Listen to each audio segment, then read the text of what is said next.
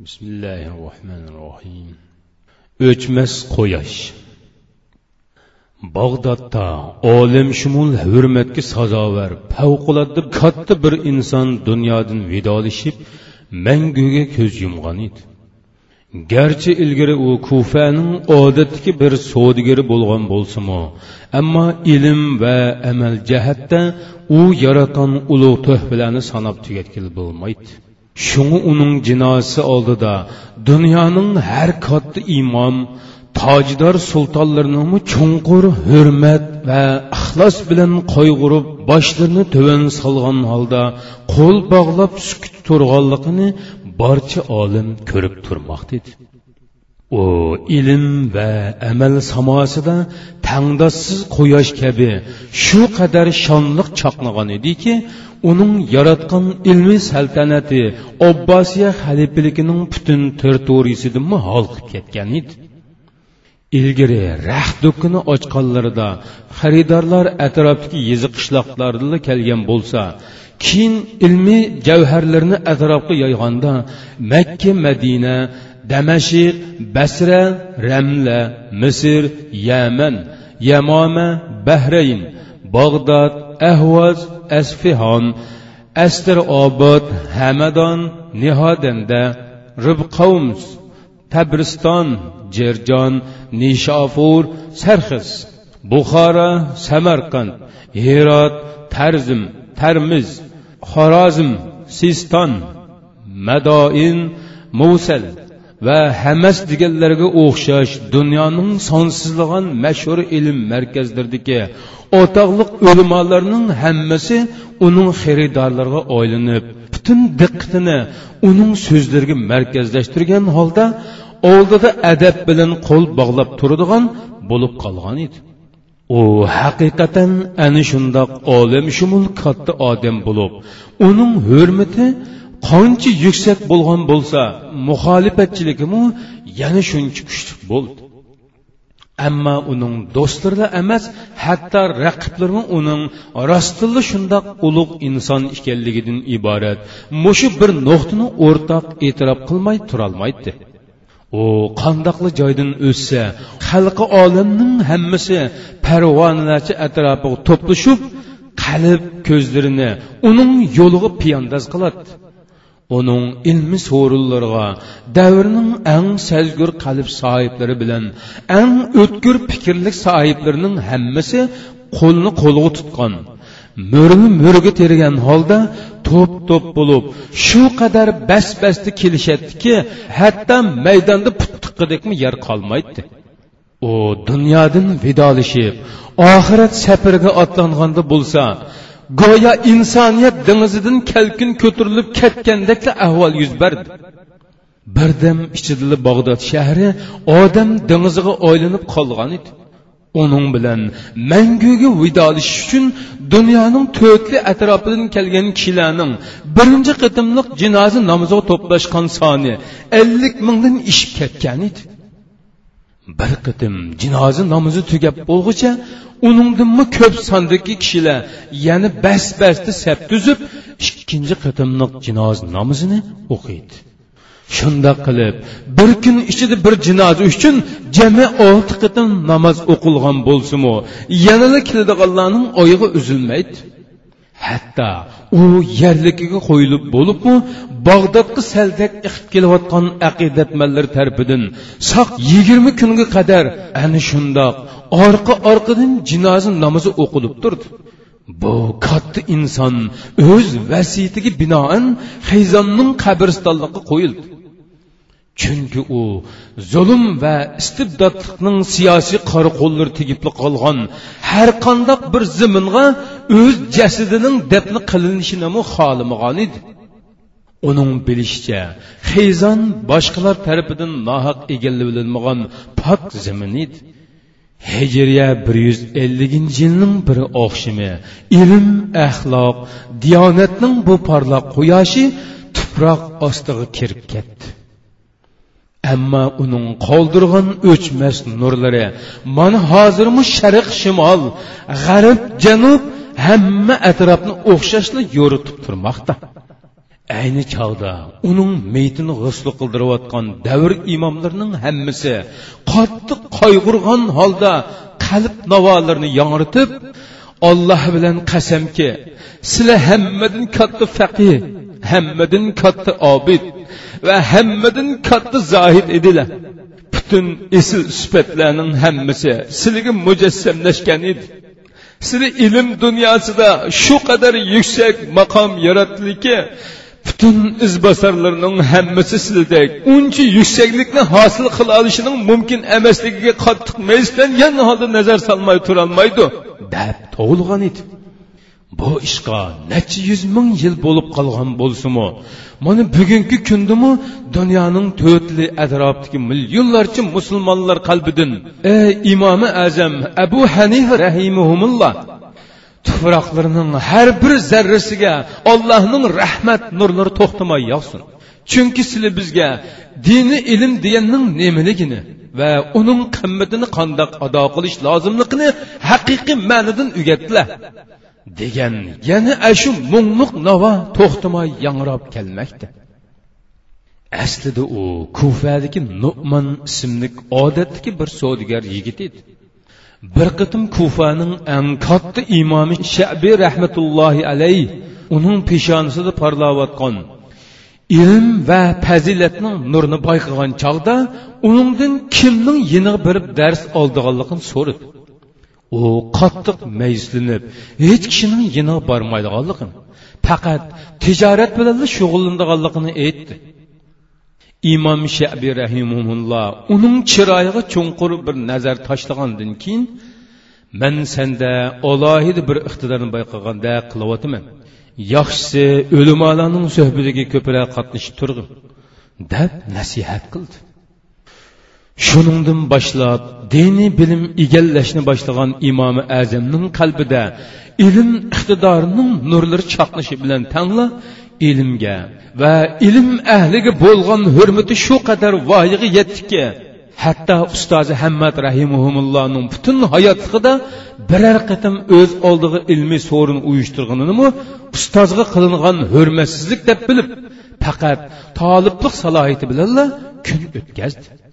Ustozining vafotidan keyinmi marhum ustozining o'g'li bilan ikkinchi ustozining oldida adab bilan yukinib o'ltirishni qat'iy tashlamidi oxiri izbosor ustozlar haj safariga otlanish munosabati bilan birdek ittifoq kelib imom abu hanifa rahimahumullohni marhum ustozining mumbiriga o'ltirg'izgan chog'dilar ondin ilm va fazilatning bu xazon bo'lmas bahori o'zining tangdossiz ilmiy samarlarini maydonga chiqarishga boshladi.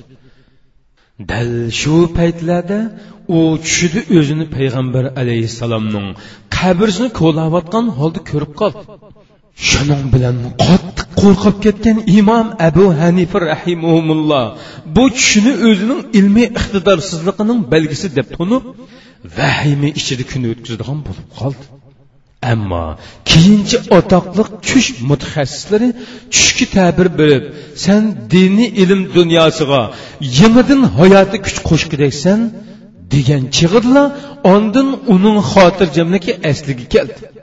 Va bu ta'birni reallikqa oshirish uchun butun vujudi bilan ilm va amalga berilib ketdi. Tarix guvoki bu ta'bir oxiri haqiqatga aylanib ilm dunyosida abu hanifa rahimahumullohning ismi hatto har qancha shiddatli bo'ron chopqinladimi? Mangu o'chmas mash'alga aylanib qoldi. Shunisi aniqki insonning shuncha katta maqomiga ega bo'lib turibmi yanada kattalikni his qilmasligi va cho'nglarning oldida doim kichik fe'llik bilan adablik turishi garchi qarmoqqa bak oddiy ishdek tuyulsimi? Ammo hargizmi oddiy chog'lig'ida bo'lmaydigan yuksaklik bo'lib hisoblanadi imom abu hanifa rahimuhumulloh shogirdlarning o'zini qorug'ulachi taqlid qilishini qat'iy ma'ni qiladi mustaqil fikr ham ijtihod qilishini o'ziga dalillik holda tanqid berishini tavsiya qiladi. Uningga nisbatan o'limolarning izzatini qilish eng ko'ngillik mashg'ulot edi. Har doim uning yinig'i yangi mevichilar kelib qolgan hamon oldi bilan shahardagi olim ulamolarning uyiga avatmay turib oilasidagilar bilan ig'iz tegmaydi uyma uy berib doim ilm ahlini ziyorat qilib turadi uning iymoni tuyg'ulari ilm axloqning shu qadar yuksak fazilatlarga cho'mganligi ilmning hurmatini saqlash uchun dunyoning jazibdor mol boyliq martaba mansablarga esida yo'qni qarab solmaydi. Umaviya xonadonligining tojidori yazid o'zining siyosiy maqsadlari uchun davrning bu fazilatli olimini o'rniga elib kirmoqchi bo'lganida imom abu hanifa rahimahumulloh o'ziga pesh pesh qilinayotgan davlat g'azinasining bosh vaziri bo'lish mansibini parvosiz holda ittirib tashlagan edi. Chunki u mansabni qabul qilib diniy ilmning ulug'vor mas'uliyatlarini do'g'i tikishning o'rniga o'zini hukmronning jazosiga tutib berishni a'lo bilgan edi. Uning bundoq maydonidan g'azablangan hukmron har kuni dumbisiga o'n darra urish jazosi berdi. Shundoqdimi u? Yanada ilm bayrog'ini egiz ko'tarishdan iborat o'z maydonidan qat'iy yonmidi? Garchi har kuni urilayotgan darralar tufayli badallari ishib ketgan bo'lsimi yanala qadamlari tavrinib qolmadi.